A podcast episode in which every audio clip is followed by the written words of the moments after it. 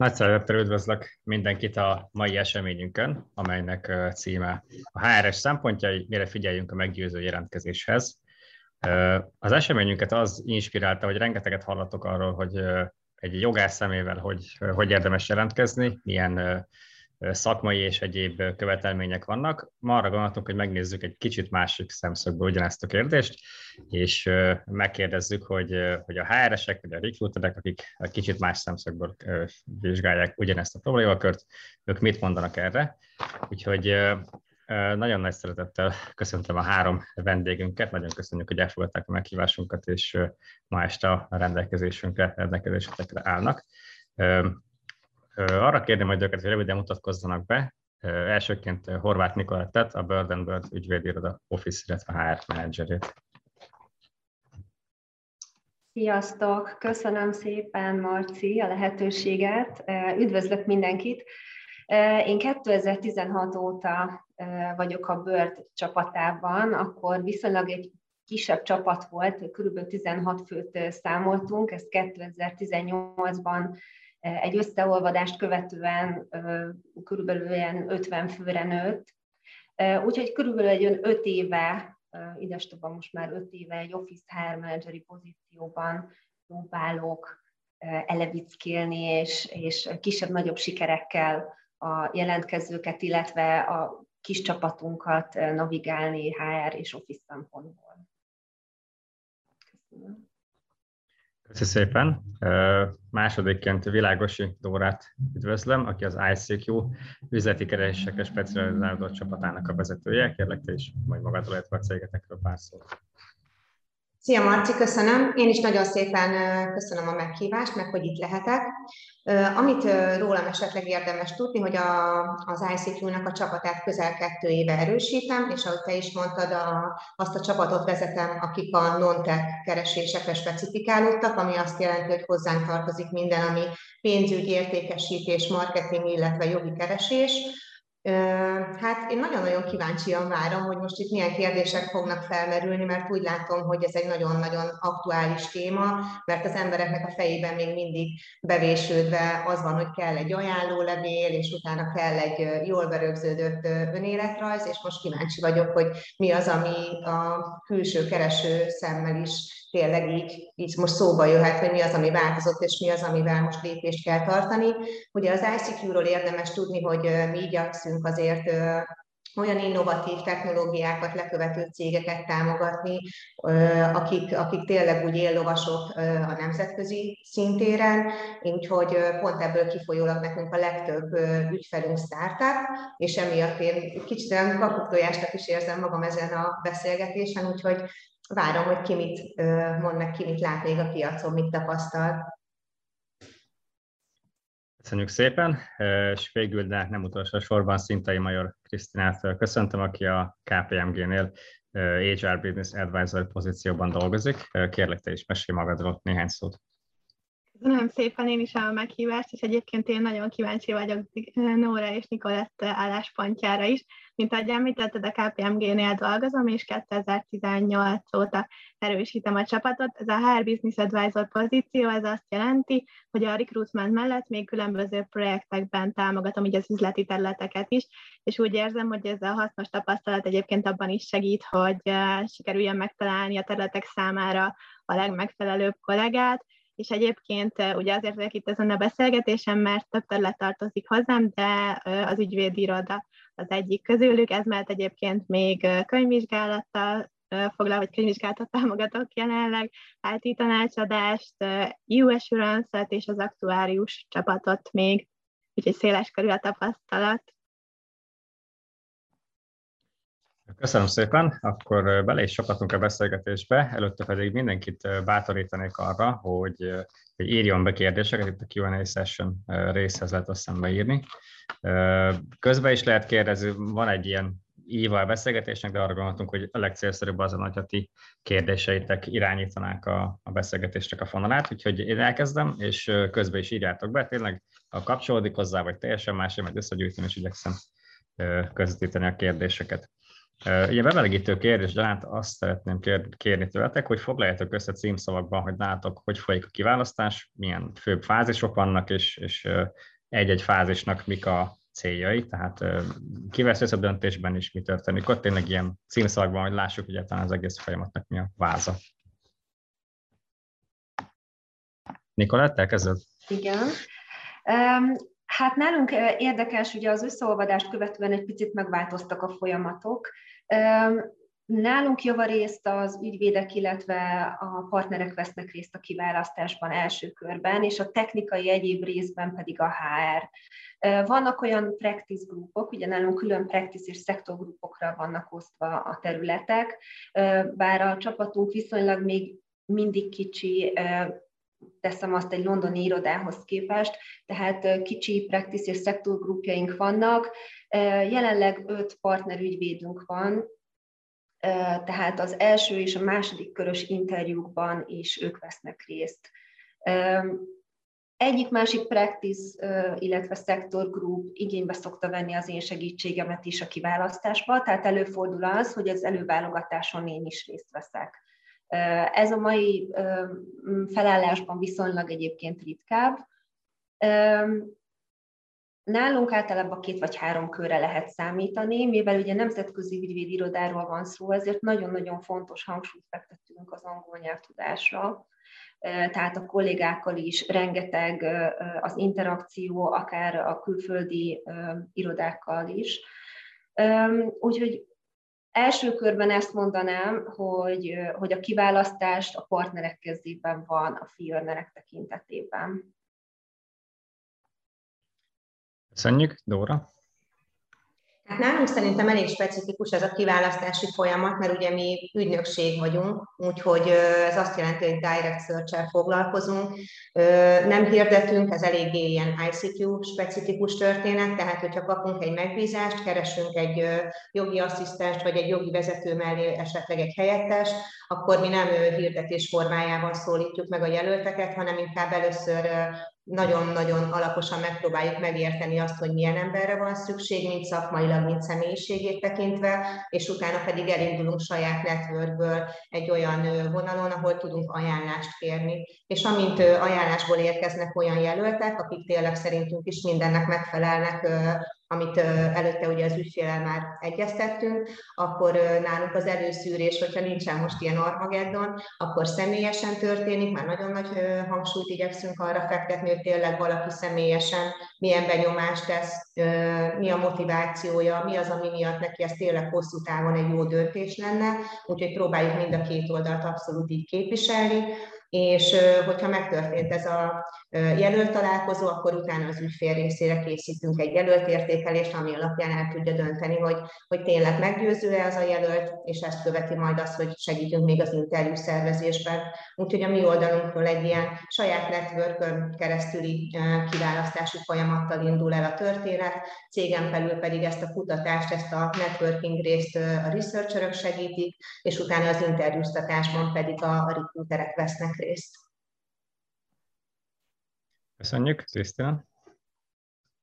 Nálunk egyébként egy viszonylag gyors a kiválasztási folyamat, csak egy körös interjú van, és első körben, amikor beérkezik a pályázati anyag, akkor én szoktam átnézni, hogy az előzetes szempontoknak megfelel-e, és amennyiben igen, akkor fel szoktuk venni a jelöltel kapcsolatot egy rövid telefonos előszűrés kapcsán, ez kb. egy ilyen 5-10 perc szokott lenni, és így a szokásos rövid kérdéseken szoktunk végigmenni, pár mondat erejéig már mi is itt áttérünk az angol nyelvre, Ezután az előszűrésben tapasztaltakkal továbbítjuk a szakmai területnek a, a pályázatot, és akkor ők szokták eldönteni, hogy tudunk-e tovább menni egy interjúra, amit most mi jelenleg így online formában tartunk, az interjú, ahogy említettem, egy kör szokott lenni, és három oldalról én szoktam részt venni, és akkor szakmai oldalról pedig egy szenior ügyvéd és egy junior kollega szokott, és um, itt az interjú során felmérjük ugye a szakmai kompetenciákat is,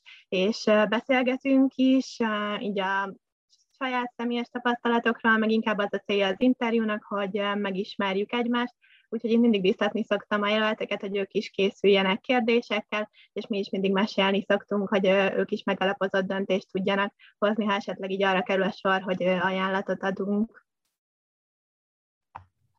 Szerencsére megérkezett az első kérdés, bátorítanak én is mindenkit, hogy írjátok be itt a Q&A session részhez.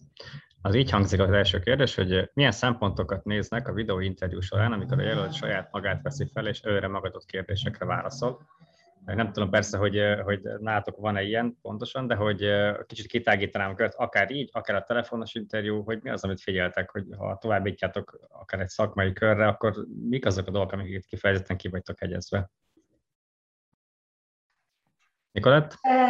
Nekem ilyen jellegű tapasztalatom, hogy előre felvett interjúról lenne szó, hogy kérdésekre válaszolnak a jelöltek, ilyen nincsen. Ritkán, de előfordul az, hogy jelöltek esetleg telefonon megkeresnek bennünket. Picit visszacsatolnék egyébként Krisztinának az előző kommentjéhez, hogy a személyes, a személyes találkozót az borzasztó fontosnak tartom hozzáadnám azt, hogy rengeteg olyan esemény van, nyilván most sokkal nehezebb ezt kivitelezni, de mint most is itt vagyunk online, tehát rengeteg olyan, akár online esemény van, amikor a jelentkezők be tudják mutatni magukat a különböző irodáknak, cégeknek, Ezeket próbáljuk mi is kihasználni, akár az Alszboninak egy-egy eseményén, ugye a cikkiropályázat, ami, amin részt szoktunk venni, és főszponzorok szoktunk lenni. Ezek kiváló alkalmak, amikor személyesen tudnak a jelentkezők, az érdeklődők esetleg megszólítani bennünket.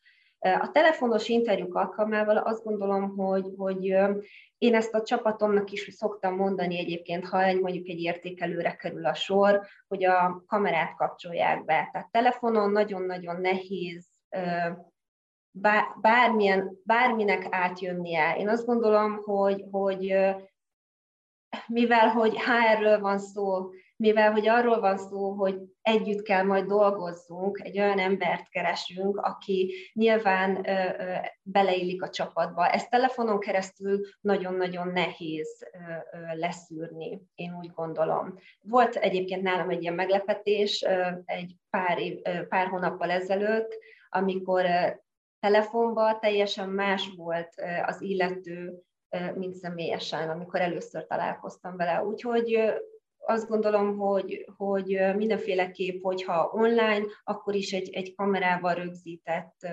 beszélgetés legyen. Köszönjük, Dóra. Nálatok? Igen, én már vettem részt inkább így elemző szemszögből olyanba, hogy ilyen előre felvett interjút kellett kielemezni, az tényleg nagyon nehéz. Tehát, hogyha így valaki tényleg csak a, a képernyőhöz beszél, és úgy kell elmesélni az életét, az szerintem már egy ilyen level 2.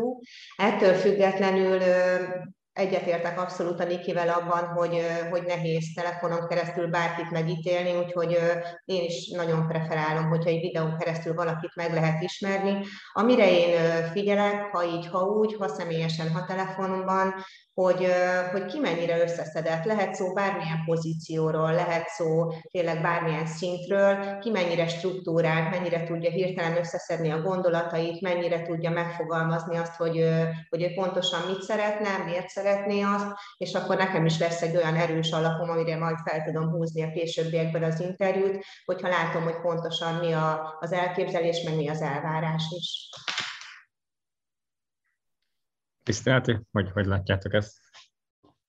Így a telefonos előszűrés, én azt gondolom, hogy nagy részt arra szolgál, hogy megbeszéljük, hogy egyeznek-e az elképzeléseink, mind abban, hogy mennyi van még hátra a tanulmányaiból, hogyha konkrétan mondjuk teljes ellású jelölteket keresünk, hogy az angol nyelvtudása megfelelő-e, ott a szimpátiát vagy a motivációt én úgy érzem, hogy kevésbé lehet előszűrni.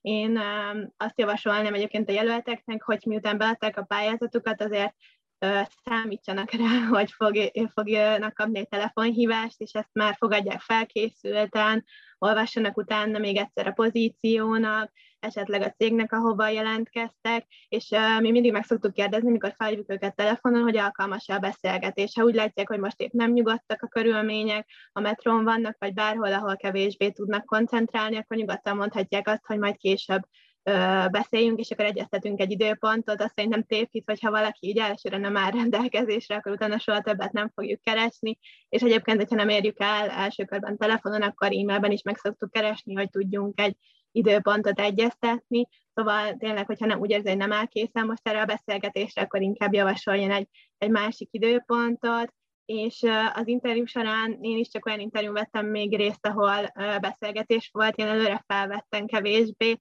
és szerintem ez nálunk nem is lesz cél soha, mert ahogy mondtam, hogy a kölcsönös megismerés a cél, az is vagy az is azt is szeretnénk felmérni, hogy mennyire tudna így együtt dolgozni a csapattal, mennyire látják, hogy be tudna illeszkedni, ami szerintem egy felvett interjún kevésbé lehet, vagy amit kevésbé lehet így megfigyelni. Úgyhogy nekem is így inkább ez lenne a javaslatom. Köszönjük. Szerencsére tök jól beindultak a kérdések, most összegyűjtenék kettőt egy csokorba. Az egyik úgy hangzik, hogy nagyon régen nem voltam állásinterjún, mi mostanában az elvárás, hogy mi lehet előnye megjelenés a ruházat terén, és részét kapcsolódik ehhez, hogy mik azok a mondatok, amiktől egy HRS falra mászik az interjú során. Erről a kettőre valamit mondanátok. Miki?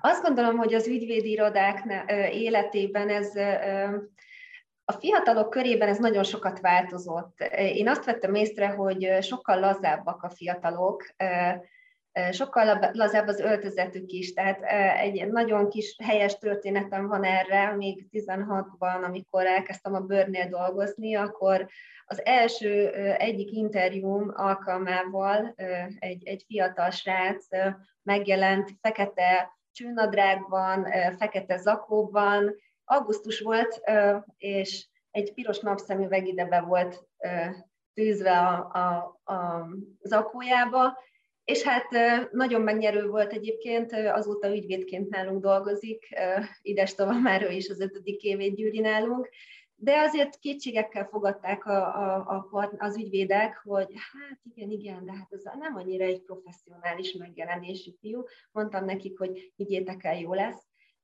Be is jött a dolog, mint mondtam, öt éve nálunk van. Tehát el kellett fogadni, én azt gondolom, hogy, hogy hogy nem csak a HR recruitereknek, de akár a partnereknek is, hogy, hogy azért változott a világ. Én azt gondolom, azt javasolnám, hogy mindenféleképp valamiféle előszűrés, piackutatást folytassanak a, a fiatalok vagy, vagy a jelöltek.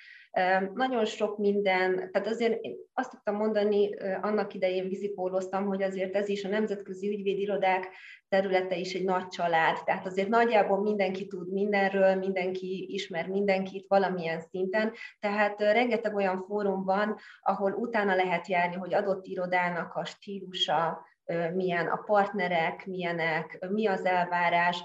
Tehát nagyon fontos az, hogy, hogy egy piackutatást végezzen a jelölt előtte. Nálunk ez egy nagyon picit egyébként lazább szokott lenni, de vannak olyan partnereink, akik keményen megkövetelik azt, hogy, és nézik azt például.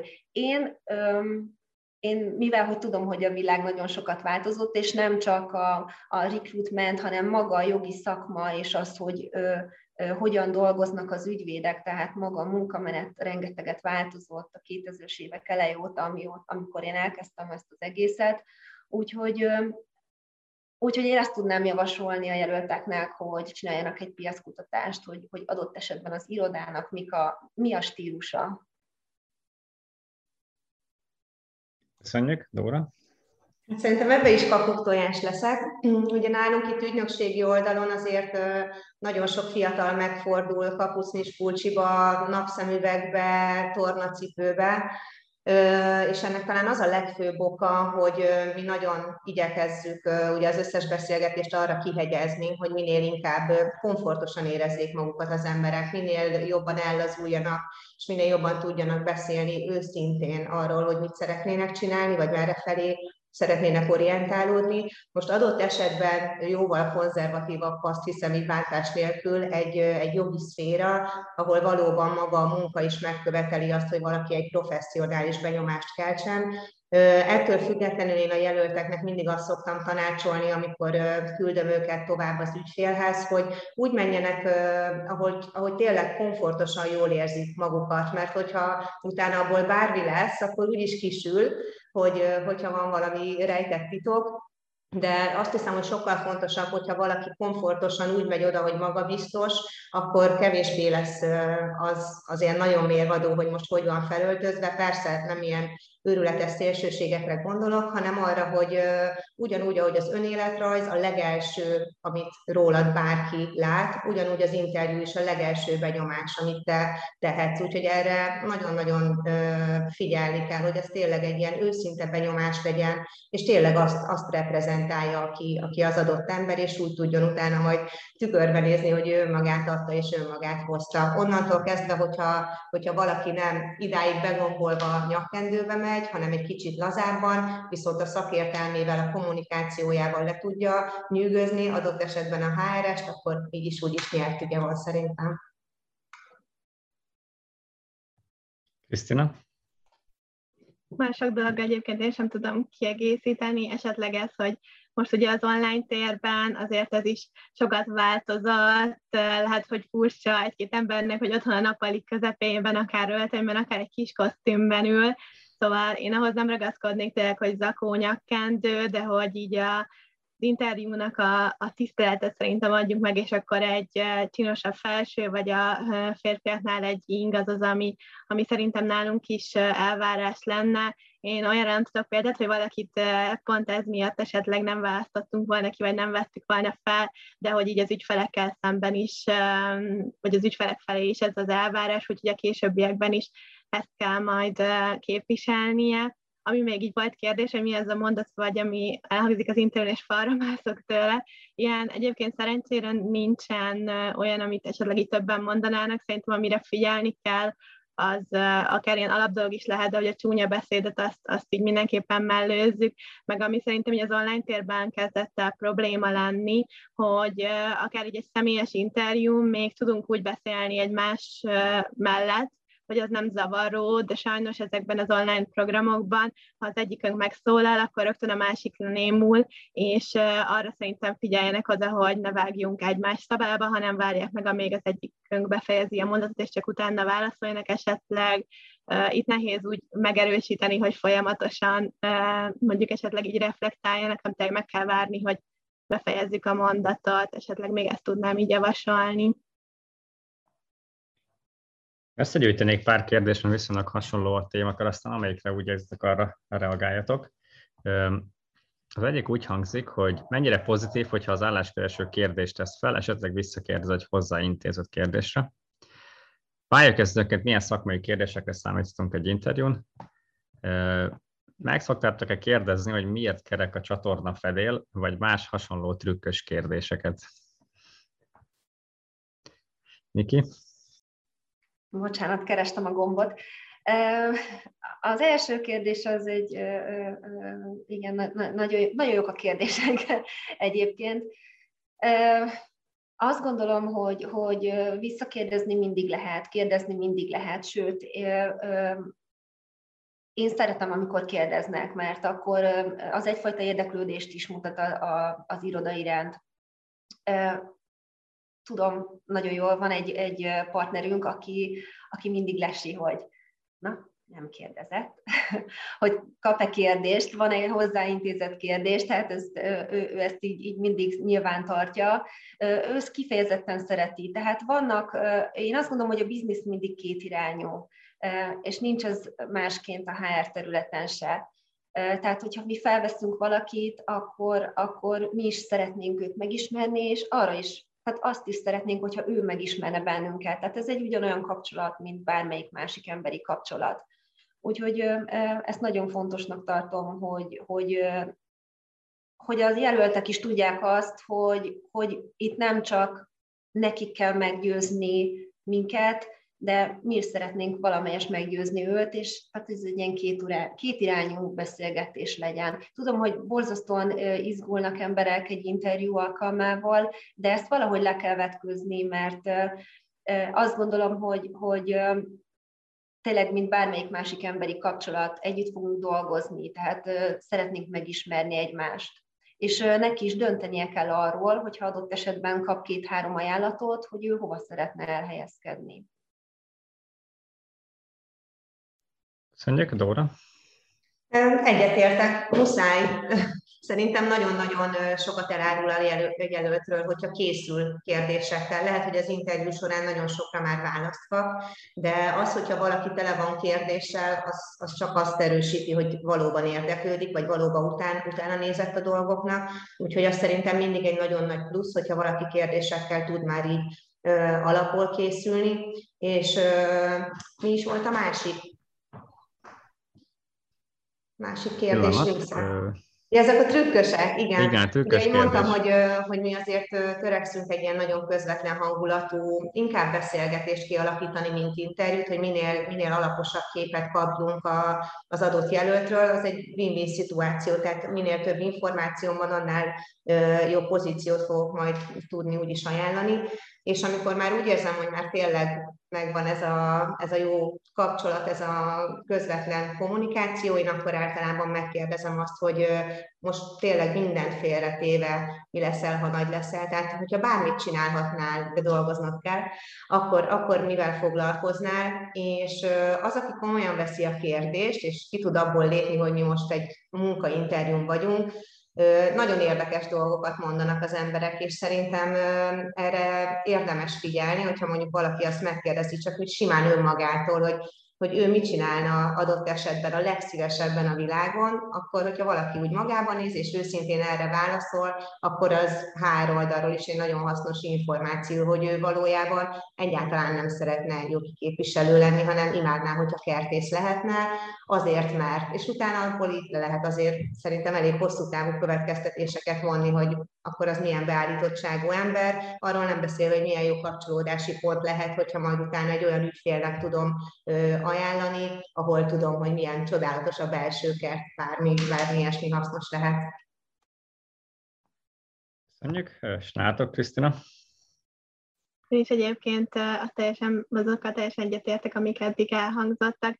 Én az elején mondani szoktam az interjúnak, hogy az interjú vége felé mindenképpen lesz egy ilyen dedikált idő, ahol felteheti a kérdéseit, és mindenképpen pozitív, hogyha ha kérdez, sőt lehet, hogy inkább úgy is mondanám, hogy negatív, hogyha valakinek nincsen kérdése, mert ahogy előttem is említették, meg én is az interjú elején, hogy az is a célja a, az interjúnak, hogy kölcsönösen megismerjük egymást, és fontos, hogy érdeklődjön, és reflektáljon az elhangzottakra. Volt még egy ilyen kérdés, hogy milyen szakmai kérdésekre számíthat.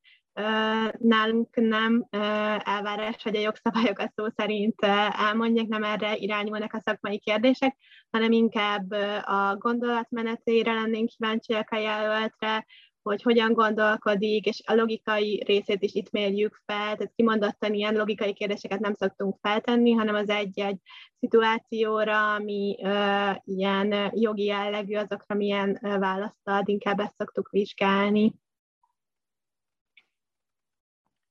Következő két kérdést is összevonnám. Az egyik úgy hangzik, hogy Szoktatok-e kérdezni logikai feladatokat jogi állásinterjún, és hogyha igen, akkor mi annak a súlya az elbíráláskor, hogyha jelentkező nem tudja a választ, vagy csak segítséggel, tehát nagyjából hol helyezkedik el, hogyha van valami ilyen logikai jellegű feladatsor. A következő kérdés nagyon izgalmas, ezt is egybe tenném föl, hogyha van egy háromkörös interjú, vagy akár kétkörös, és az utolsó körben általában az igazgatóval, vagy valamilyen vezetővel kell már csak egy kört menni, hogy akkor általában ugye viszonylag kevés ember marad, egy-kettő-három szokott lenni, hogy ilyenkor mi lehet elbukni, mit tud sikerre vezetni, és egyáltalán mi a célja ennek az utolsó körnek? Hú, nagyon izgalmas kérdések. Nálunk logikai kérdések nem szoktak elhangzani az elő szokott fordulni, amikor én csinálom az előválogatót, akkor például előfordult az, hogy berántottam magammal egy mid-level vagy egy senior ügyvédet, hogy ugye a szakmaiságot fel tudjuk mérni egy kicsit, hogy szakmai szemmel is meg tudjuk nézni a jelöltet. Olyankor azért van, hogy volt, hogy megizzasztottak egy-két jelöltet, Például, hogyha mondjuk egy frissen diplomázott jelöltről van szó, akkor bele-bele kérdezhetnek, hogy miből írta a szakdolgozatát. És akkor ilyen case study, hogy mondjuk, ami esetleg előfordulhat, hogy van egy ügyfél, ilyen esetben te mit válaszolnál az ügyfélnek. Mi, tehát hogyan oldanád meg ezt a jogesetet.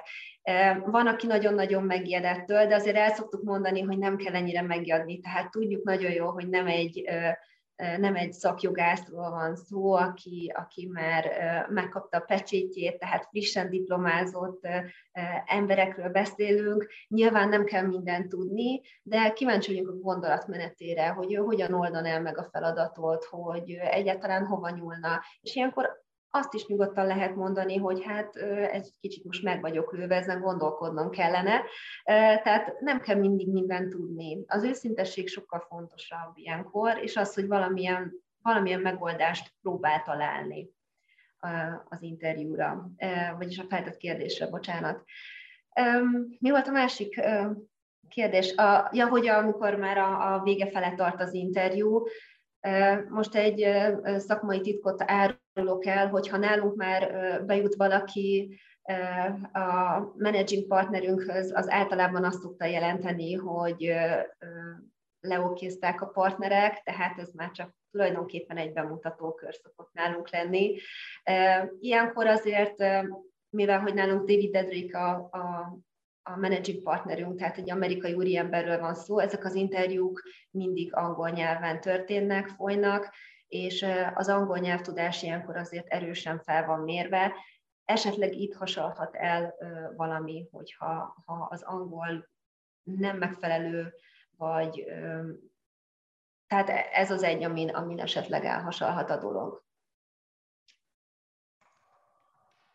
Nem is logikai, hanem inkább azt mondanám, hogy én abban hiszek, amikor ilyen nagyon sok, vagy nem nagyon sok, de hogyha akad azért ilyen gyakorlatias kérdés, hogyha arra valaki tényleg őszintén tud válaszolni, akkor, akkor az nagyon-nagyon hasznos szerintem a, a HRS szempontjából is, hogy egy adott problémát hogyan oldana meg, hogyan kezdene neki, és visszacsatolva Nikire, hogyha valaki erre őszintén azt mondja, hogy fogalmam sincs, az is egy szuper jó válasz lehet, csak utána tegye hozzá, de szívesen megtanulná, Úgyhogy a gyakorlati kérdéseket hasznosnak tartom. Az utolsó körön pedig, amikor megvan ez a kémia teszt, akkor annak én úgy látom az ügyfeleinknél, hogy leginkább tényleg ez az oka, hogy kisüljön, hogy ez a két ember tud-e majd a gyakorlatban is tényleg hasznosan együtt dolgozni, megvan-e az a közös hullámhoz, hát a kémia, abban úgy minden benne van.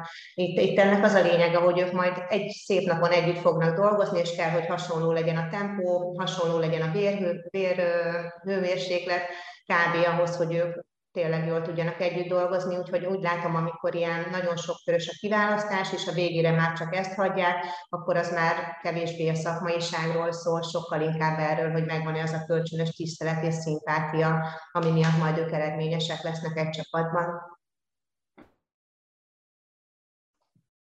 Nálunk, ahogy említettem, igazából ez mind egy körben szokott lezajlani, szóval ez egy kicsit ilyen tömörítettebb folyamat, de ugyanezeket szoktuk mi is vizsgálni, hogy a jelöltnek a motivációja milyen, és egyébként azt is, hogy mennyire tudnának így együtt dolgozni vele, mennyire beilleszthető a csapatban, és hogy az elképzelések egyébként így egyeznek-e. Már az előbb említettem, de külön ilyen logikai feladat nálunk sincsen, hanem inkább gyakorlati feladatok, vagy igazából ilyen gyakorlati kérdések, meg amit szerintem még így ide sorolnék, hogy ha esetleg valami benne van az önéletrajzában, arra tudjon példát mondani. Ez az, amit még mindig meg szoktunk kérdezni. De mi egyébként csak pályakezdő vagy pár év tapasztalattal rendelkező jelöleteket keresünk, úgyhogy hiszen van nincsen tapasztalatom még. Következő kérdéseket is itt sokkal tenném fel, ők a, a, az önéletrajzra vonatkoznak. Az első az nagyon általános, mi az, amire az önéletrajzoknál különös figyelmet fordítanak a HR-esek. A második az kicsit hosszú, de összefoglalóan nagyjából arról szól, hogy a kiválasztás során az önéletrajzban szakjogászi képzés, egyéb gazdasági képzés, vagy bármi olyan, ami a, a reguláris képzésen túl van, az plusz jelente, illetve hogy látjátok ezt, mennyire figyeltek erre. És e, ezt mondjuk hogyan viszonyul a korábbi munkatapasztalatokhoz. illetve hogy a soft skill-eket célszerű-e felsorolni az önéletrajzba, és hogyha igen, akkor hogyan? Tehát hogy nem lesz ez egy sima önfényezés?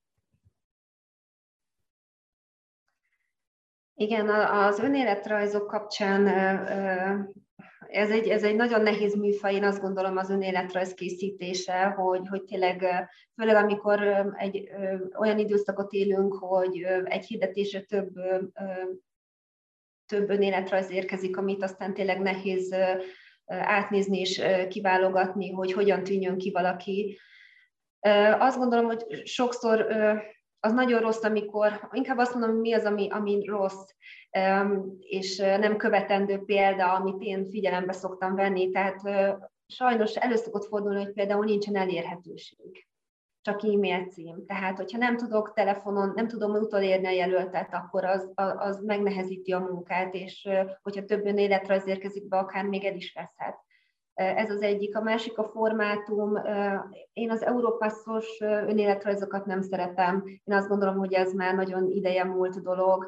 Tehát mindenféleképp valami kreatív önéletrajzot, ami jól átlátható, azt érdemes mondjuk letölteni. Most már tényleg rengeteg platformon elérhetőek nagyon jó önéletrajzok azt gondolom, hogy a szakmaiságot azt nagyon érdemes feltüntetni, és akkor itt rá is térnék a következő kérdésre, Nálunk Londonban például vannak külön programok, ez itthon nálunk nem létezik, de vannak úgy, úgymond jogász átképzések, tehát lehet jelentkezni Londonba olyan szakmai háttérrel, tehát mit tudom én, kemikusok, gyógyszerészek, akik ügyvédek szeretnének lenni. Nálunk is Budapesten, és akkor ez egy kb. egy három éves program, és átképzik őket, ezt a Bird egyébként támogatja. Itthon például rengeteg olyan önéletrajz érkezett valamelyik évben, ahol autógyártással kapcsolatos tapasztalat, munkatapasztalata volt a jelöltnek. Ezek mind jól jönnek egyébként, mert betekintést nyernek a jelöltek egy, egy más szegmensbe is. Hogyha van egy érdeklődési kör, azt mindenféleképp szerintem fel kell tüntetni. Úgyhogy nálunk a Bőrnél ugye szellemi tulajdonjog, ugye az IP területen kifejezetten keresik azokat a, a, a, a jelölteket, akik például az IT information technology területen érdeklődnek, Úgyhogy én azt gondolom, hogy ezt mindenféleképp érdemes feltüntetni, mert ez akár bónusz is lehet. Sosem tudhatja adott jelölt, hogy éppen egy olyan tapasztalat vagy egy plusz iskola az pozitívan fog lejönni a, a CV-ben.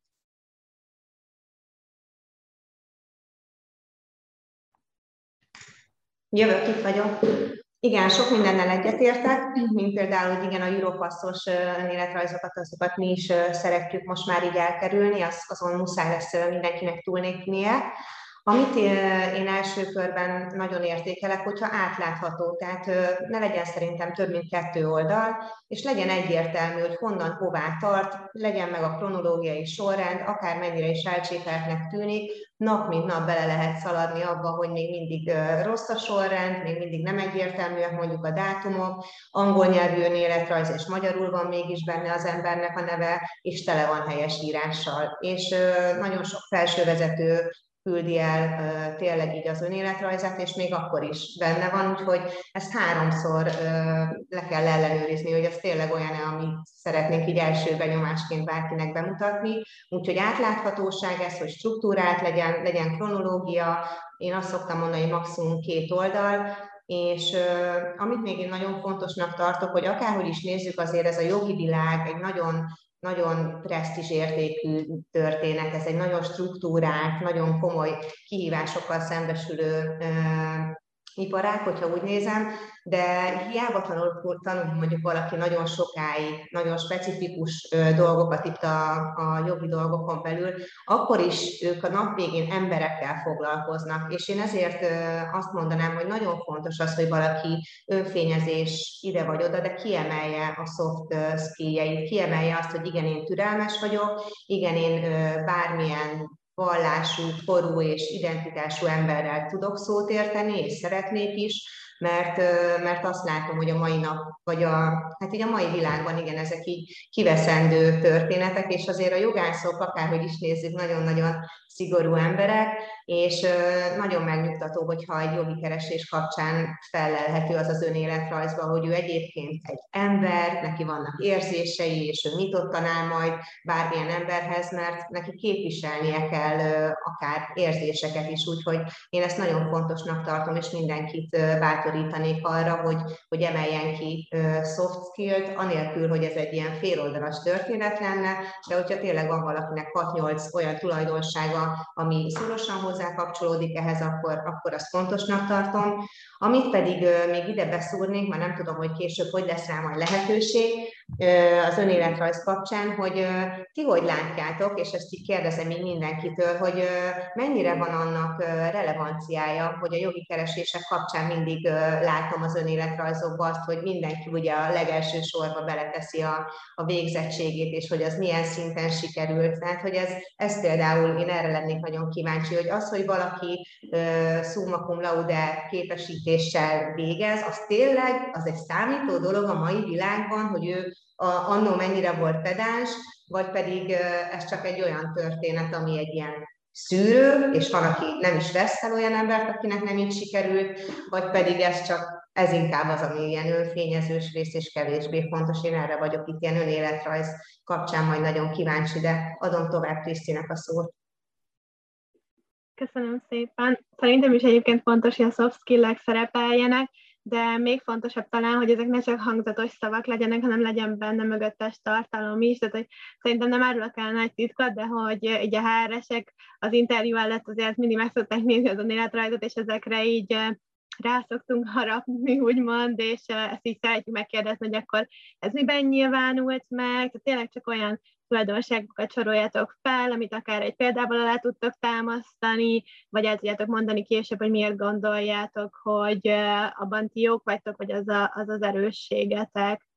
Ez szerintem mindenképpen fontos. És az önéletrajzán is azt mondanám, hogy talán ilyen tippeket, hogy mik azok a hibák, amit bele szoktam futni. Az egyik tényleg az, hogy minden helyesen szerepeljen, mind helyesírásilag, mind pedig az adat, talán azt tudnám javasolni, hogy kérjetek meg valakit, aki, aki még nem látta ezt az önéletrajzot, hogy nézze át, mielőtt bekülditek. Ez bármelyik családtag is lehet, mert tapasztalatból mondom, hogyha mondjuk valamit elolvastam már tízszer, akkor már nem feltétlenül fog feltűnni az a hiba, ami másnak rögtön az angolt is nyugodtan kérjétek, kérjétek meg valakit, hogy, hogy nézze, mert tényleg az, az egy fontos szempont, hogy ez helyesen szerepeljen, mert azért ez előrevetíti, hogy a későbbiekben mennyire lesz majd a jelölt igényes így a, a munkájára, vagy arra, amit kiad így a kezéből. Amivel még szoktam találkozni, az esetleg az, hogyha valakinek a korábbi önéletrajzat használjátok mintának, azzal nincsen semmi probléma, de figyeljetek rá, hogy a linkek azok stimmeljenek, mert sokszor előfordul, hogy mondjuk átírjátok az önéletrajzban az e-mail címet, de ha én rákattintok, akkor még az előző tulajdonosnak az e-mail címe jön ki, és már előfordulhat, hogy, hogy ő kapja meg az értesítést, és, és nem ti, ez az, amit érdemes átnézni, esetleg egyébként az, hogy hogy van elnevezve a fájl, mert ha megnyitjuk, akkor az is ott van címben. Ez egyik sem egyébként kizáró tényező, csak ilyen tippek lehetnek, hogy ezeket a köröket úgymond megúszszuk, és tényleg az, hogy, hogy helyesen szerepeljenek azok, amik, amik az önéletrajzban benne vannak. Én itt a pályakezdő jelölteknél szerintem az egy oldal egyébként elég lehet, hogyha bármilyen versenyen részt vettetek, azt, azt szívesen látjuk, vagy bármi, amire büszkék vagytok. Én azt, hogy milyen eredménnyel végeztetek az egyetemen, azt egyébként nem szoktuk figyelembe venni, de ö, olyan szempontból nem bánom, hogy, hogy benne van, mert hogy arra meg így jogosan vagytok büszkék, hogy ilyen jól sikerült, főleg ha egyébként mellette még dolgoztatok is, de nem kizáró tényező az sem, hogyha nem csupa végeztetek, és az sem, hogy egyébként ez így nincsen benne. Úgyhogy nyugodtan beleírhatjátok, de nem szempont. Köszönjük. Szerencsére nagyon sok kérdés érkezik, úgyhogy megpróbálom őket föltenni, lehet, hogy arra kérnek benneteket, hogy viszonylag röviden válaszoltok, hogy mindegyik beleférjen. Sokszor hallom, kérdezi Katinka, hogy ne vegyen szigorúan az álláshirdetésben megfogalmazott elvárásokat, jelentkezek akkor is nyugodtan, hogyha nem felelek meg teljes mértékben ezeknek, hogy nektek mi a tapasztalatok ezzel, Behív, behívtok-e olyat is, aki mondjuk valaminek valami objektív, vagy nem objektív kritériumnak nem felel meg, illetve részint ehhez kapcsolódik, hogy mennyire csekkoljátok le a jelölteket, tehát mondjuk korábbi munkáltatót megkerestek-e, vagy ha valaki munkát váltak, annak a részleteibe bele mentek-e egy interjún vagy máshol. Illetve Niki, még szerintem csatolj vissza te is, légy szíves a, a, erre a dologra. Igen, én soha nem nézem meg, hogy, hogy a jelöltek hogyan végeztek.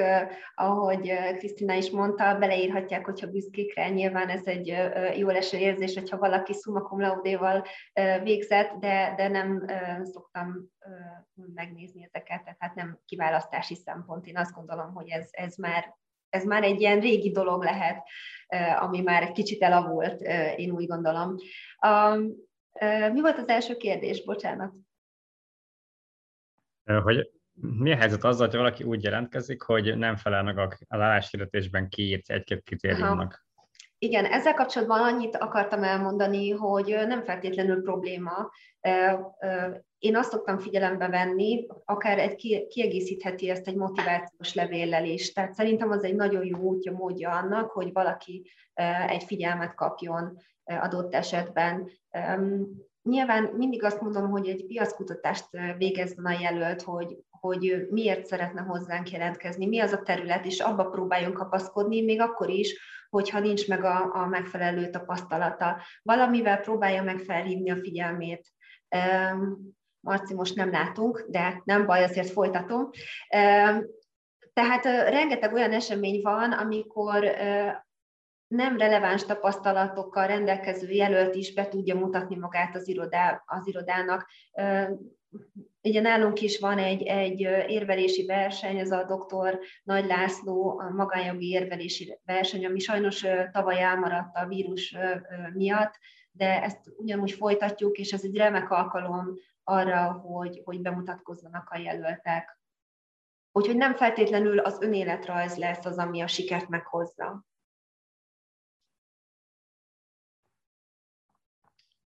Köszönöm. Dóra? Hát, ha már önéletrajz megint, én szoktam tanácsolni azt, hogy az elején, ugyanúgy, mint a social médiában, valaki így egy, egy ilyen két-három sorból, hogyha össze tudja foglalni, hogy ő most pontosan honnan, hová tart, mit szeretne, hogyha az adott esetben pont a hirdetés szövegének ő nem is felel meg minden kritériumnak pontosan, de valaki azt elolvassa és látja, hogy ő egyébként milyen tudást szerzett eddig meg, és mit szeretne abból kamatoztatni a jövőben, akkor az már, az már egy nagyon jó iránymutatás. Én is mindenkit buzdítanék, hogy egy hirdetés ne vegye el senkinek se a kedvét, attól függetlenül bármikor nyílhat cégen, irodán belül olyan pozíció, ami esetleg releváns lehet majd a későbbiekben, úgyhogy szerintem az mindig, mindig megér egy jó önéletrajzot, csak nagyon alaposan át kell nézni. És volt még egy kérdés a vége felé. Mennyire csekkoljátok le a jelölteket, esetleg a korábbi munkahelyváltást, vagy, vagy korábbi munkahelyet? Hát nálunk az nagyon-nagyon ügyfél válogatja, van, aki erre így kifejezetten ki van élezve, hogy pontosan honnan jön, és, és szeret utána nézni ezeknek a dolgoknak alaposan, Hát én azt mondanám, hogy ez ilyen időfüggvénye, hogyha valaki nagyon ráér, és nagyon pacifántos egy önéletrajz, akkor én nagyon szívesen utána nézek, vagy akár utána is kérdezek, mert ugye, ahogy mondtam, mi kevésbé dolgozunk egyáltalán nem dolgozunk ugye hirdetések útján, hanem saját kapcsolati rendszerrel, úgyhogy pont emiatt nálunk ez egy nagyon-nagyon releváns topik az, hogyha látom, hogy egy adott cégnél valaki dolgozott, akkor ott keressek egy olyan ismerőst, akitől meg tudom kérdezni, hogy milyen munkaerő volt, mennyire ajánlaná szívesen, és milyen olyan adottságai vannak, olyan tapasztalata, ami, ami miatt én majd szívesen tudom őt tovább ajánlani. Úgyhogy ez fontos, igen, ez a background check. Ha egy picit tér el attól, ami az álláshirdetésben szerepel, akkor szerintem nyugodtan jelentkezzen.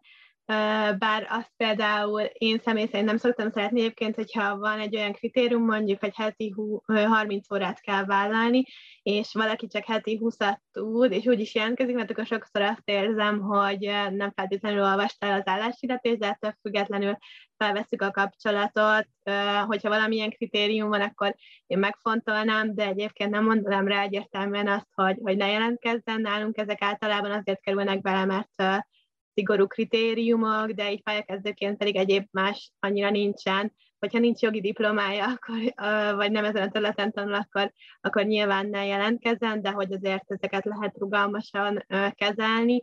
Mi háttérellenőrzést azt nem szoktunk tartani, és ha jól emlékszem, akkor még volt egy ilyen kérdés, hogy mennyire kérdezzük meg azt, hogy miért vált, mi ezt mindig meg szoktuk egyébként kérdezni, és fontos, hogy nem arra vagyunk kíváncsiak, hogy a másik céget mondjuk esetleg szídja, vagy belső titkokat teregessen ki, hanem tényleg arra vagyunk kíváncsiak, hogy mi az, ami ott kevésbé tetszett, hogy lássuk, hogy az nálunk úgy működik, vagy nem úgy működik, vagy hogy mennyire tudnánk mondjuk mi mást biztosítani, mint ami, ami korábban nem tetszett neki. Úgyhogy ilyen szempontból azért meg szoktuk kérdezni, hogy, hogy mi az oka annak, hogy, hogy váltani szeretne. Következő két kérdés a motivációs levélre vonatkozik, hogy miről szóljon, és maximum milyen terjedelemben érdemes megírni, milyen a jó motivációs levél, illetve én hozzátenném azt is, hogy kell-e egyáltalán, ti hogy látjátok ennek a szerepét? Én kifejezetten szeretem egyébként a motivációs leveleket, mert abból több minden kiderül egy önéletrajzban, ugye ott tulajdonképpen felsorolásszerűen, hogy beleférjen mindenki a két oldalba, főleg, hogyha már több munkatapasztalattal rendelkezik, akár mondjuk gyakor, több gyakornoki pozíciót megpályázott és elnyert, és ez bekerült a, a, az önéletrajzába, vagy több, több szakmai fórumon részt vett, akár cikkeket írt, megjelentetett, bármit, különböző versenyeken részt vett. Úgyhogy az írásnak a minőségét ilyenkor fel lehet mérni nagyon jól, akár hogyha angolul az angol nyelvnek a használatát. Nyilván, hogyha valaki hatalmas segítséget kér ebbe, ugye ezt leellenőrizni nem tudjuk, de ez az interjú alkalmával nagyon hamar kiderül. Tehát mindig azt szoktam mondani, oda is csak olyat írjunk, ami, ami valós. Tehát egy egy, egy valós, hogy miért szeretne hozzánk járni, hozzánk jelentkezni. Nyilván ez is egy, egyfajta piackutatás, tehát ne írjunk bele olyan dolgokat, ami, ami, amit bármelyik másik céghez ugyanúgy átküldhető lenne. Egy kicsit specifikáljuk cégre specifikusan, irodára specifikusan a, a, a motivációs leveleket. Én szeretem kifejezetten őket. Akkor én leszek az ellenoldal, én, én nem szeretem. Úgy gondolom, hogy, hogy nagyon sok ember azt már így ki is hagyja, tehát amikor beérkezik tényleg egy nap 80-100 önéletrajz, akkor a legkevésbé sem lesz az embernek arra energiája vagy ideje esetleg, hogy még egy motivációs levelet elolvasson. Úgyhogy ami mondjuk én úgy gondolom, hogy egy jól bevált módszer, amit az előbb is mondtam, hogy a, a CV tényleg úgy kezdődjön, hogy legyen egy három kötőjel, öt mondat, amiben egyértelmű az, hogy ő most miért ír, és akkor itt visszacsatolok Nikihez, hogy itt viszont az tényleg fontos, hogy, hogy a specifikusan nekem szóljon, hogy az adott ügyfélnél, az adott cégnél miért szeretne dolgozni, és ott milyen tudását tudja majd hasznosítani, ne legyen az egy ilyen nagy általánosság, és akkor valaki vígan tud jelentkezni hébe-hóba ide-oda, hogyha, hogyha azt a három-öt sort változtatja csak mindig, és akkor nem kell motivációs levelet írni. Ez, a, ez az én véleményem. Én leszek a köztes. Nálunk is egyébként az egyéni preferencia kérdése, és uh, itt a szakmai vezető azt mondta, hogy kevésbé preferálja, de egyébként nyilván nem kizáró, csak hogy mondjuk nála ez nem szempont, hogy valaki küld a motivációs levelet, de én is azt mondanám, hogy ha valaki ír, akkor az tényleg arról szóljon, ami nincs benne az önéletrajzban, az kiegészítésként szolgáljon, de én is inkább azt támogatnám, hogy Dóra mondott, hogy ez az első pár mondat, mert vannak olyan dolgok, ami nem feltétlenül derül ki az önéletrajzból, de fontos szempont lehet. Például nem mindig egyértelmű, hogy mondjuk mikor végez a tanulmányaival, tervezem mesterképzésre, vagy szakképzésre, vagy bármilyen egyéb, ami, ami mondjuk egy pár mondatban összefoglalva azért szebben néz ki, mint csak egy-két szót odaírni az önéletrajzba. Úgyhogy én ezt javasolnám, hogyha valaki időt meg energiát fektet a motivációs levélbe, azt természetesen nagyon szépen köszönjük, és akkor, akkor erre érdemes figyelni, hogy ez legyen szépen összefoglalva, és az nagyon fontos tényleg, hogy konkrétan arra a pozícióra szóljon, Szóval ne írjatok egy általános motivációs levelet, amit utána mondjuk mindenhova beadtok, hanem akkor tényleg látszódjon ben, belőle, hogy ezt konkrétan arra a pozícióra szántátok. Köszönjük, szerencsére elláttok minket rengeteg kérdéssel. Az esemény alapvetően nyolcig nyolcig terveztük az eseményt. Az lenne ilyen köztes javaslatom, előtte beszéltünk, hogy esetleg túlnyúlhatunk, hogy akinek van még kérdés, az most írja le, ami beesik most még nyolcig, azt megpróbáljuk gyorsan megválaszolni, de utána sajnos az aztán egy olyan téma, hogy ezt reggelig tudnánk beszélni mindannyian. Egy biztos csatolnék az előzőekre hasonló a két kérdés. Az egyik az, hogy ajánló levél, azt érdemese csatolni, ha igen, akkor mondjuk mit, mit érdemes beleírni, mi az, amivel egy gond lehet. A másik pedig, hogy hiteles LinkedIn ajánlások, azok értékesnek bizonyulhatnak a HRS szempontjából. Tehát a LinkedIn-es ajánlások és mondjuk egy korábbi munkátolnak az ajánlása. Hogy álltok ehhez? Őszintén szóval én, én nagyon kevés alkalommal találkoztam ajánlólevelekkel. Nem tudom, hogy a, a Dórinak és a Krisztinek mi a tapasztalata, de, de én azt gondolom, hogy ez már egy kicsit megy ki a divatból. Én, én, nagyon, én nagyon ajánláspárti vagyok. Arról beszélgetünk, hogy most valaki, akit eddig nem ismertünk, elküldjük valahová, és, és jó szájízzel gondolunk majd arra, hogy egy jó ajánlást csináltunk, ugye mondjuk egy ügyfél számára, úgyhogy nekem ilyen szinte elengedhetetlen az, hogy legyen egy, egy jó ajánlás, hiszen ahogy mondtam a legelején, mi e, amúgy is ugye erre alapozzuk a munkánkat, hogy ajánlásból kérünk embereket. Ő már dolgozott vele, én még nem dolgoztam vele, akkor ez a leg, leghatékonyabb módja, hogy megtudjam, hogy az első problémánál kiugrik a hetedik ablakorról, vagy, vagy, vagy a hetedik emeletről, vagy kevésbé, milyen a munkabírása, mennyire passzol majd a kémia, mennyire passzol majd ő a csapatba. Úgyhogy szerintem az tud nagyon-nagyon hasznos lenni, hogyha valahogy eljutunk olyan emberekhez, akik lehet, hogy nem egy vezető, mert a vezetővel nem mindenki dolgozik közvetlenül együtt, de hogyha eljutunk egy közvetlen feletteshez, akitől tudunk kérni tényleg egy olyan ajánlást, aki őszintén három sorban nekem megmondja, akkor az nekem nagyon-nagyon hasznos. A LinkedIn ajánlások ugye azok egy kicsit olyanok, mint régen a emlékkönyv meg a barátságfüzet, azt lehet azért ivarira is beírni jópofán, de ott is azért nagyon hamar ki lehet szűrni, hogyha egy egy X vezető, aki tényleg mondjuk egy globálisan elismert valaki, és ő ír ajánlást, akkor gondolom, hogy az, az hiteles, és annak hiszek, de én nagy részt abban hiszek, amikor én eljutok egy közvetlen vezetőhöz, és tőle tudok kérni egy, egy szakvéleményt, hogy milyen volt az adott emberrel együtt dolgozni. Szerintem így a pályakezdésnél ez szintén kevésbé releváns. Mi nem szoktunk kérni, és egyébként nem is szoktunk kapni erre, hogy nincsen példa, talán mondhatjuk, hogy akkor egy tiszta lappal indul mindenki.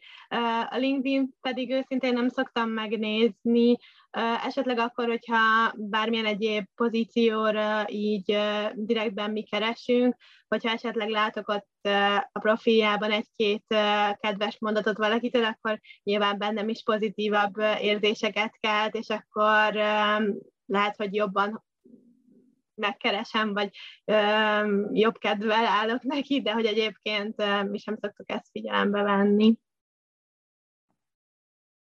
Köszönöm.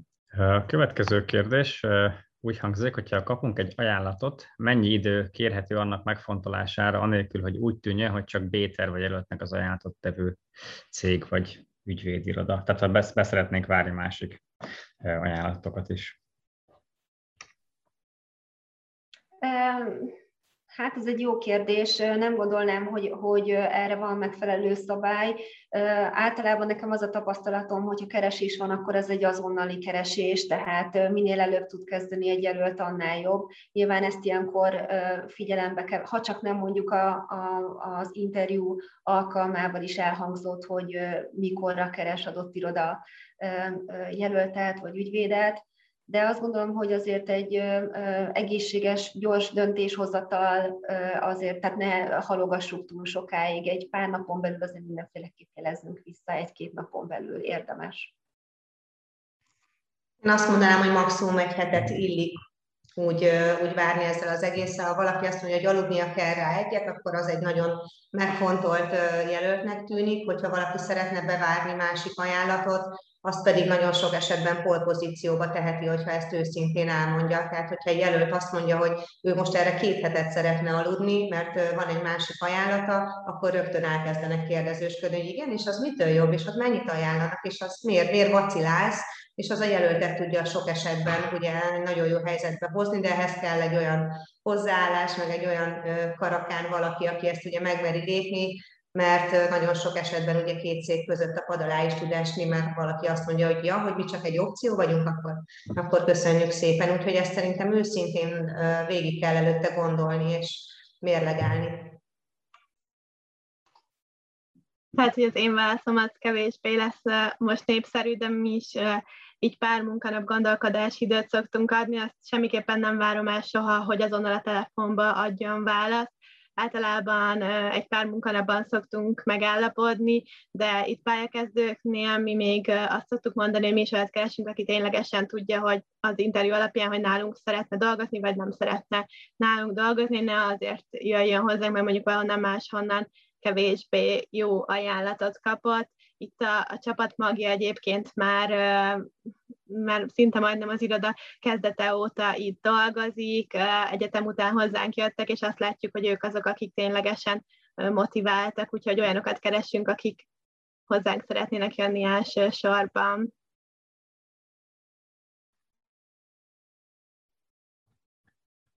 Következő kérdés úgy hangzik, hogy milyen kulcs szavak lehetnek hasznosak, a kitartasz jó vezetőnek, vagy hol látod magad öt év múlva, és hasonló tipikus HR kérdésekre.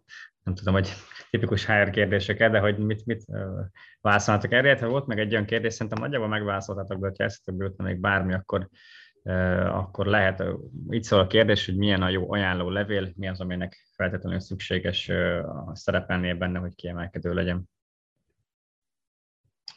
Hát az ajánló levél kapcsán most inkább megfognám még, még ezt a részét.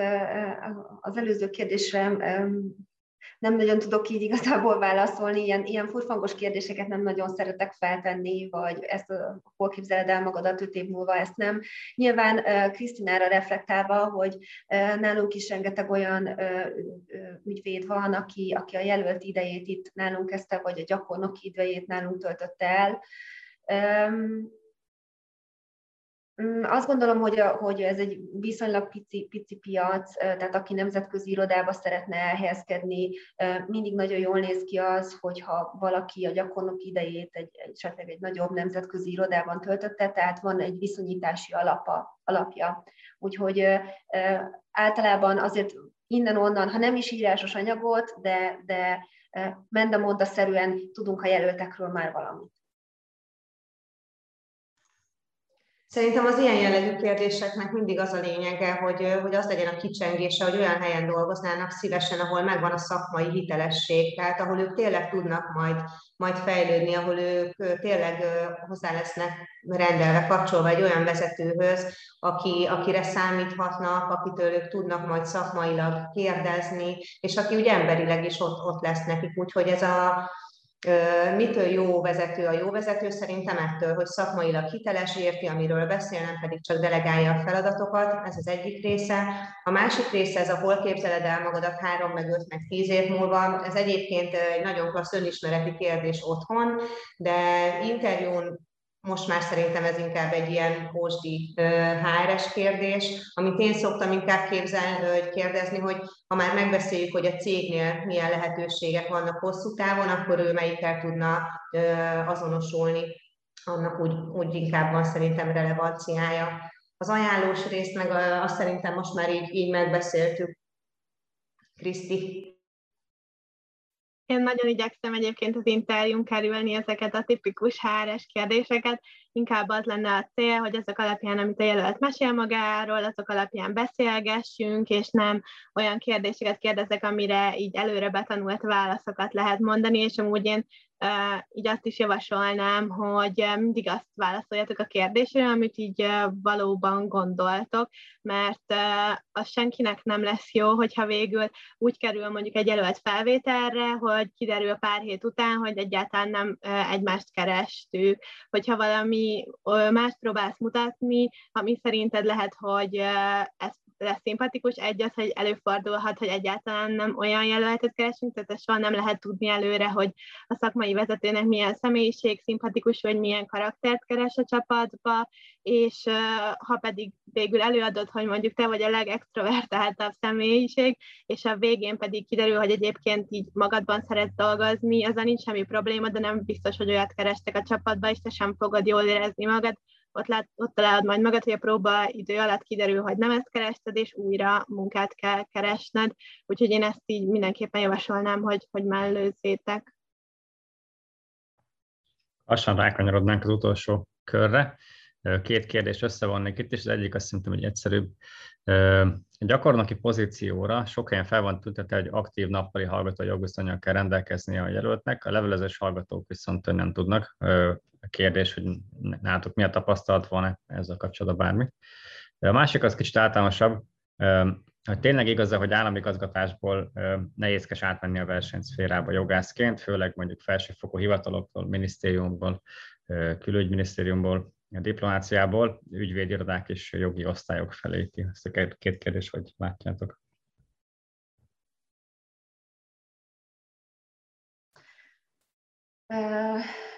Hát megmondom őszintén, hogy ilyen, ilyen jellegű tapasztalatom nekem nincsen, hogy nem is nagyon tudok olyan, olyan esetet mondani az elmúlt időszakban, hogy államigazgatásból jelentkezett volna hozzánk valaki. Tehát igazából lehet, hogy meg se próbálják.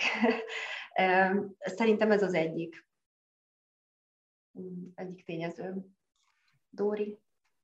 Én azt látom, hogy ezt mindig ügy, ügyfél válogatja, ugyanúgy, ahogy most ebben az esetben iroda válogatja. Meg kell próbálni, neki kell, neki kell bátran lendülni, mert addig nem fog kiderülni. A levelezős, meg nappali tagozatos kérdésre meg szerintem ugyanígy ezeket nem, itt hallottátok most, hogy sosem kizárók igazából semmi, tehát nincsen kőbevésve semmi, sosem lehet tudni, hogy közben van egy olyan keresés is, ami nincs is meghirdetve, és nem is tudjátok, hogy létezik, úgyhogy emiatt nem szabad senkinek se, hogy ez visszatartó erő legyen. Tessék csak szépen jelentkezni mindenhova, vígan, őszintén. Én is csak megerősíteni tudom az előttem szólókat. Sajnos így az át jövésbe úgymond nincsen tapasztalatom nekem sem. Én esetleg azt mondanám, hogy érdemes akkor így megfontolni, hogy akár pozícióban, akár bérben szeretne lejjebb adni, mert valószínű, hogy teljes mértékben nem tudjuk átforgatni a tapasztalatát, ha lenne tapasztalt keresésünk, de egyébként én is azt mondanám, hogy meg kell próbálni, lehet, hogy pont olyan projekt van, vagy olyan megbízás, ahol ezt így tudnánk hasznosítani, és uh, egyébként a gyakornokoknál is ugyanezt mondom, ez pont az a pont, amit a telefonos előszűrés során meg lehet beszélni, de én nem gondolnám, hogy, hogy ne lehetne ezt megoldani. Köszönjük. Azt szeretném kérni, hogy újabb kérdésben ne írjatok sajnos, mert lejárt az időnk, viszont amik itt vannak, azokat meg megpróbálom összegyűjteni a csokorba. Érkezett elég sok a, a bérek kapcsán. Itt kett, ketten is kérdeztek, hogy alakulnak a pályakezdő fizetések. Én a résztvevők miatt azt, azt mondanám, hogy gyertek el a csütörtöki villámrandit megelőző előadásra, ahol erről fog beszélni 45 percen keresztül, minden titkot kiteregetek, úgyhogy azt javasolnám, hogy erről inkább beszélgessünk majd ott. Ami viszont általánosabb jellegű, az az egyik az, hogy mit tanácsoltok a bértárgyalást, illetve melyik azok a pontok, amelyekre feltétlenül fontos kitérni, illetve mik azok, amiket érdemesebb kerülni. Mennyire van egyáltalán tere a bértárgyalásnak Magyarországon, és mit csináljunk akkor, hogyha a bérigényünk alatt ajánlatot kapunk? Mit tudunk ilyenkor tenni annak érdekében, hogy ne veszítsük el az ajánlatot, de, de mégis valamit próbálkozunk. Nyilván a bértárgyalás tréningek vannak több órások, úgyhogy ezt, ezt nem várom most tőletek, de, de ha van valami gondolat, amit megosztnátok, ezt megköszönjük. Itt is tulajdonképpen azt hiszem talán Krisztina említette azt, hogy, hogy, hogy az interjú alkalmával nem érdemes olyan, olyan dolgokat mondani, amivel nem vagyunk, ami nem mi vagyunk. Tehát, hogyha valaki elégedetlen a bérrel, akkor ezt mindenféleképp valamilyen szinten jelezni kell, mert mondjuk elvállal egy munkát csak azért, mert nincs jobb, akkor annak ismételten az lesz a vége, hogy egy pár hét vagy pár hónap múlva esetleg továbbáll, és az az önéletrajzba azért negatívan is ki tud nézni, hogyha valaki csak egy pár hónapot, és akkor nyilván a következő HRS majd megkérdőjelezi, hogy mi volt az, ami, ami, ami, ami miatt ott hagyta az irodát vagy a céget. Tehát azt gondolom, hogy mindenféleképp a biznisz is itt is kétirányú, tehát a bértárgyalásban nyugodtan bele lehet menni az iroda meg fogja mondani, hogy mi az a maximum, tehát el fog jönni az a maximum, hogy mit meg tud adni. Igen, szerintem itt az irodák kapcsán azért ez egy, ez egy jóval struktúráltabb témakör, mert ott azért van egy tólig, és nincsen nekik sem egy olyan nagy ugrás, ugrálási lehetőség, viszont mindenképpen érdemes belemenni, nem azt kell nézni, hogy ma mi van, hanem szerintem nagyon fontos látni így a, a hosszú távú célt. Én itt szeretnék dolgozni, akkor most ez lehet, hogy nem az a bér, amit én elképzeltem, de aki mondjuk ilyen 10-20-30 ezer forint miatt fennakad ilyesmin, az, az úgy hosszú távon is nagyon rosszul veszi ki magát. Úgyhogy ha valaki úgy kap ajánlatot, hogy nem pontosan azt az összeget, amit egy elképzelt, azt kapja, akkor én mindig azt szoktam tanácsolni, hogy így hosszú távon próbálja meg átlátni, hogy ez, ez neki milyen befektetés lesz, ez mikor tud esetleg változni, és akkor már egy, egy teljesen más kiindulási pont, viszont pénzből élünk, és a fizetés igenis egy motiváló tényező, főleg egy állásinterjú, a remek plac arra, hogy ezt megbeszéljük, úgyhogy erről érdemes beszélni, és nem szabad véka alá rejteni, csak át kell nagyon alaposan gondolni, igen. Én csak ismételni tudom magam, hogy sajnos ez így a pályakezdőknél kevésbé releváns, nálunk fix bérek vannak, úgyhogy ezeken a szinteken még, úgyhogy itt kevésbé van alkalom arra, hogy, hogy bértárgyalást tudjunk folytatni. Még két kérdést tennék fel, az elsőt azt így csoportban. Talán ez egy rövidebb, hogy a magánéletre sohasem kérdezhet rá egy háres, vagy van esetleg, aki rákérdez, van esetleg, amit tapasztaltok. A másik, ez egy érdekes kérdés. Volt-e már részletek olyan esetben, hogy számotokra egy előtt nagyon szimpatikus volt, és szakmailag is megfelelőnek találtátok, azonban az ügyvédek vagy bármilyen más vezetők számára nem felelt meg. Ha igen, akkor ezt a saját tévedéseteknek éreztétek-e, vagy mi volt ez a viszonyulásatok?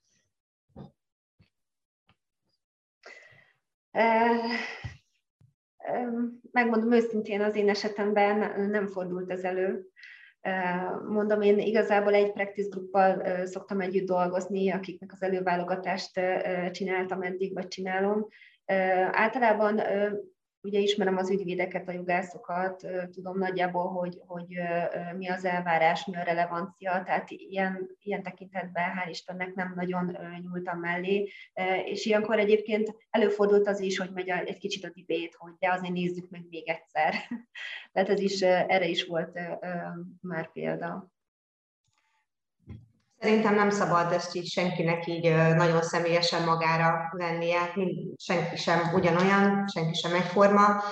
Volt már olyan, hogy szakmailag is és személyiségben is nagyon kiálltam a, a jelöltért, és, és visszatoltam, miután azt mondta az ügyfél, hogy, hogy ő nem erre számított, és megkértem, hogy adjon neki még egy esélyt, mert én nagyon biztos vagyok a dolgomba, és azóta is vígan ott dolgozik, úgyhogy szerintem ez azt kell, hogy valaki tényleg nagyon nagyon jó emberismerő legyen, és, és hát ne játsza ki ezt a kártyát, csak tényleg akkor, amikor, amikor úgy érzi, hogy érdemes, és attól úgy megmarad hitelesnek is. Volt előtte még egy rövid kérdés, Marci. Igen, hogy a magánéletre előfordul, hogy rákérdeztek, ez egy abszolút tabu Igen. a hr Szerintem erre csak akkor szabad, hogyha valami miatt nagyon-nagyon befolyásolja a, a munkát magát. Tehát, hogyha egy olyan pozícióról van szó, ahol tényleg két hetente Amerikába kell utazni, akkor, akkor megkérdezem, hogy ez esetleg gondot jelente, mert van ott olyan hat és fél gyereke, akkor igen, rákérdezek. De az, hogy valakinek rákérdezzek a, a családi állapotára, a korára, az, azért az szerintem még mindig egy ilyen ö, nagyon-nagyon táptalaj, ami nem annyira veszi jól ki magát, és egyébként meg a munka szempontjából semmi közöm hozzá, úgyhogy ezeket így szoktam kerülni tudatosan. A magánélete én szoktam soha rákérdezni. Én egyébként azt javaslom, hogyha bármilyen szempontból befolyásolja a munkavégzését, tudja, hogy nem tudom, minden héten fixen kedden kettőkor el kell vinni a edzésre, azt, azt jelezze. Én azt gondolom, hogy ezeket meg szoktuk tudni oldani, de úgy kell neki indulni, hogy ezeket így tisztázzuk, de rá kell, azt is soha nem szoktunk, és kényszeríteni se kényszerítenék senkit, hogy ezeket megossza. A másik pedig, hogy volt olyan, hogy nem egyezett, szerintem szerencsés helyzetben vagyok, mert ilyen még nem fordult elő, hogy nem, nem egyezett a véleményünk. Mindig meg szoktuk beszélni, és el szoktam mondani a, a szempontjaimat, de ö, szerencsére eddig mindig egyezett. Remélem, hogy továbbra is így lesz, és akkor nem tudok sajnos erre a kérdésre válaszolni. Köszönöm. Akkor az utolsó kérdést feltenném, ami úgy hangzik, hogy mit tanácsolnátok azoknak, akik sok elutasítást kaptak az utóbbi időkben, hogyan lehetne pozitívnak és lelkesnek maradni, és talán annyival egészíteném ki, hogyha van bármi egyéb tanácsotok, jó tanács, gondolat az álláskeresőknek, akkor osszátok meg velünk. Ha az irodánkat nézzük, én azt gondolom, hogy a legjobb tanács, amit adhatok a jelölteknek, hogy valahogyan próbáljanak meg egy, egy, egy személyes találkozó alkalmával bemutatkozni, akár egy arzmóni esemény, amin az irodák részt vesznek, akár egy nemzetközi, vagy egy olyan verseny, amin az iroda képviselteti magát. Tehát a személyes kapcsolat azt gondolom az alapja mindennek hogy megismerjük a jelöltet. Tehát lehet az, hogy valakit elutasítunk mondjuk önéletrajz alapján, mert éppen annyi önéletrajz esik be, vagy éppen valóban nem kimagasló eredmények vannak az önéletrajzban, vagy nincs meg az a releváns tapasztalat. És ilyenkor én azt gondolom, hogy valamilyen úton, módon egy, egy nemzetközi irodába a személyes kontakt az mindenféleképp eljutható, tehát lehetőség van rá. Hát én vagyok az örök optimista, úgyhogy én azt mondanám, hogy ha valaki sokszor csalódott már, akkor rázza meg magát, és menjen tovább, mert uh, muszáj kell az új lendület, és majd a következő az sokkal jobban sikerül, mindennek oka van alapon. A másik része pedig, ami nálam egy ilyen jól bevált tuti tip, az az önismeret. Tehát először tisztázzuk le magunkba, hogy pontosan miért szeretnénk váltani, miért szeretnénk egy adott helyre elkerülni, mi az, amiért az nekünk tényleg jó lesz, hol képzeljük el magunkat hosszú távon, és hogyha ez már így letisztult, az már fél siker, és onnantól kezdve pedig el lehet kezdeni tanulni, olvasni, nézelődni, kérdezősködni, és hogyha valaki tud szűkíteni mondjuk csak Magyarországon egy, egy tíz olyan helyre, ahol nagyon szívesen dolgozna, akkor pedig ne várjon hirdetésre, írjon nekik, és mondja meg, hogy én itt akarok dolgozni azért, mert. És aki mer, az nyer alapon, szerintem ez egy nagyon jó döntés.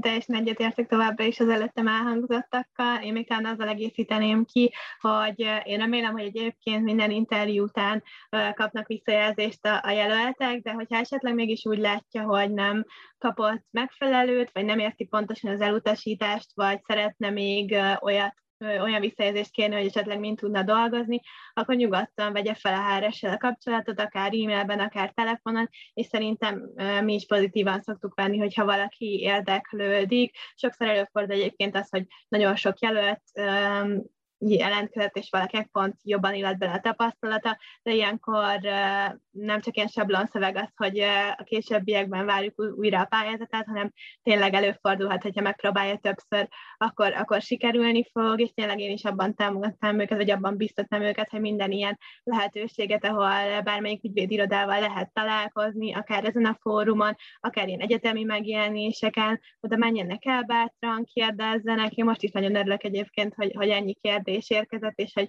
hogy ennyire érdeklődőek voltak a, a résztvevők, úgyhogy én erre biztatnám őket.